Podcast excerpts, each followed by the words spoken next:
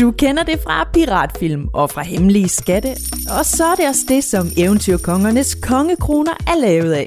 Nemlig guld. Men hvordan bliver guld egentlig lavet? Det spørger Signe om i det her afsnit af Moneypedia, hvor du også skal høre om den allerstørste guldklump, der nogensinde er fundet, og som rent faktisk er en hel del større end dig selv. Men inden vi kommer til alt det, ja, så skal vi allerførst lige have Signe på banen. Hej, jeg er Signe, og jeg er syv år gammel, og jeg vil gerne vide, hvordan guld bliver lavet. Ja, hvordan bliver guld egentlig lavet? For at få svar på det, så lad os ringe til en, der ved rigtig meget om guld, og som i sit arbejde også har ansvaret for en hel masse guld. Jeg hedder Bolette Møller, jeg er 57 år og chef for kontantforsyningen i Nationalbanken. Og i den forbindelse har jeg også en del øh, af ansvaret for det guld, som Nationalbanken har. Bolette arbejder ved Nationalbanken, som er hele Danmarks centralbank og en slags chefbank for de andre banker. Og som en del af sit arbejde har Bolette altså også ansvaret for det guld, Nationalbanken har. Og Nationalbankens guld, det kommer vi tilbage til senere. For når Bolette ikke lige arbejder med guld, ja, så interesserer hun sig for tøj og mode. Men spørger man hendes børn, er det ikke alt det tøj, hun køber, der fortjener den helt store? Nå ja, guldmedalje. Det var, at jeg engang for mange år siden kom hjem med en vatteret kjole. Den lignede nærmest en sovepose. Og jeg fik simpelthen ikke lov at tage den på af mine børn, fordi den var simpelthen for åndssvag. Og det komiske er jo, at øh, moden lige i dag er, at alting skal være vatteret, og det ligner soveposer. Så i dag havde den nok været et hit, men øh, det var den i hvert fald ikke dengang. En soveposekjole lyder nu ellers ret vildt. Nå, men tilbage til sine spørgsmål. For Sine vil jo gerne vide, hvordan man egentlig laver guld. Hvordan laver man guld? Det hurtige svar er, at det kan man ikke.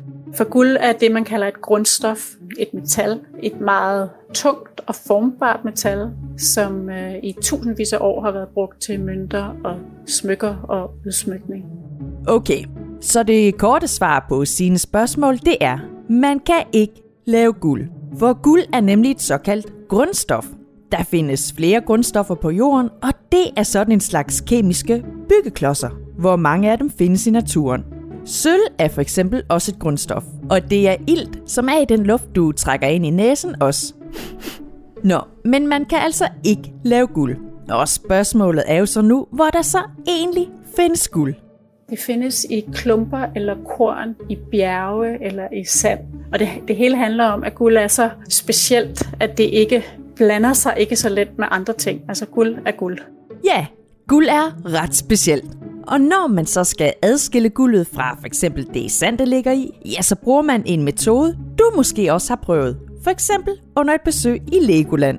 Der er sikkert rigtig mange børn, der har prøvet at vaske guld i Legoland eller set en film, en gammel western, hvor de vasker guld. Og det handler simpelthen om, at det, man adskiller det fra, er meget lettere. Så når man har vasket, som man nu gør i de der processer med sådan nogle sigter og en masse vand og sand, så ligger guldet tilbage på bunden, fordi det er så tungt. Så altså, fordi guld er helt vildt meget tungere end for eksempel sand, så kan man nemt adskille guldet fra det sand, det ligger i.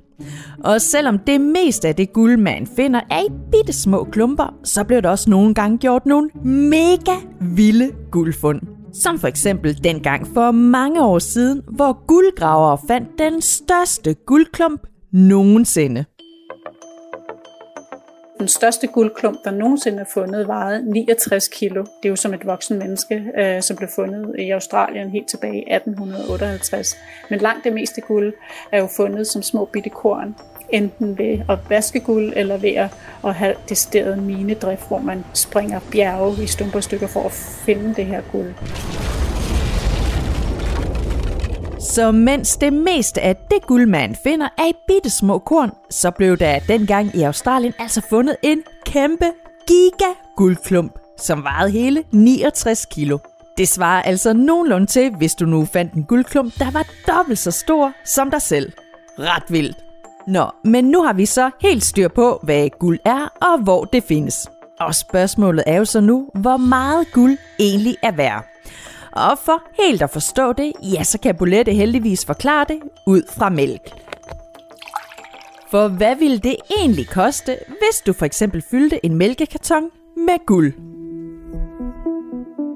Hvis man fylder en mælkekarton med guld, så ville det koste 383.000 kroner.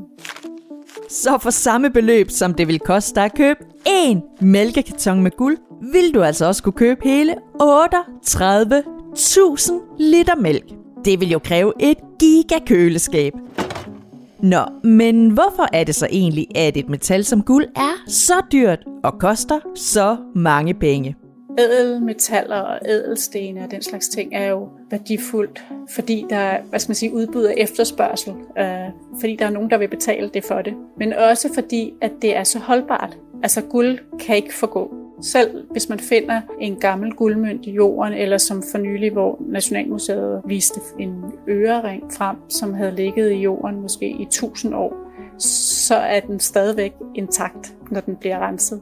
Så når mange gerne vil have fingrene i guld, og der ikke er ret meget guld i verden, og guld samtidig er mega holdbart, ja, så er det alt sammen med til at gøre guldet endnu dyrere. Og nu skal vi så tilbage til det guld, som Nationalbanken har. For Bolette arbejder jo altså i Nationalbanken, hvor hun har ansvaret for bankens guld. Og præcis hvor meget guld er det så egentlig, at Nationalbanken har? Nationalbanken har ca. 66 tons guld, og hvis man regner det om med prisen på den nuværende guldpris, så øh, er det ca. 25 milliarder kroner værd. Okay, 25 milliarder kroner. For det beløb kunne du købe dronningens slot Amalienborg i København hele 45 gange, hvis det altså lige var til salg.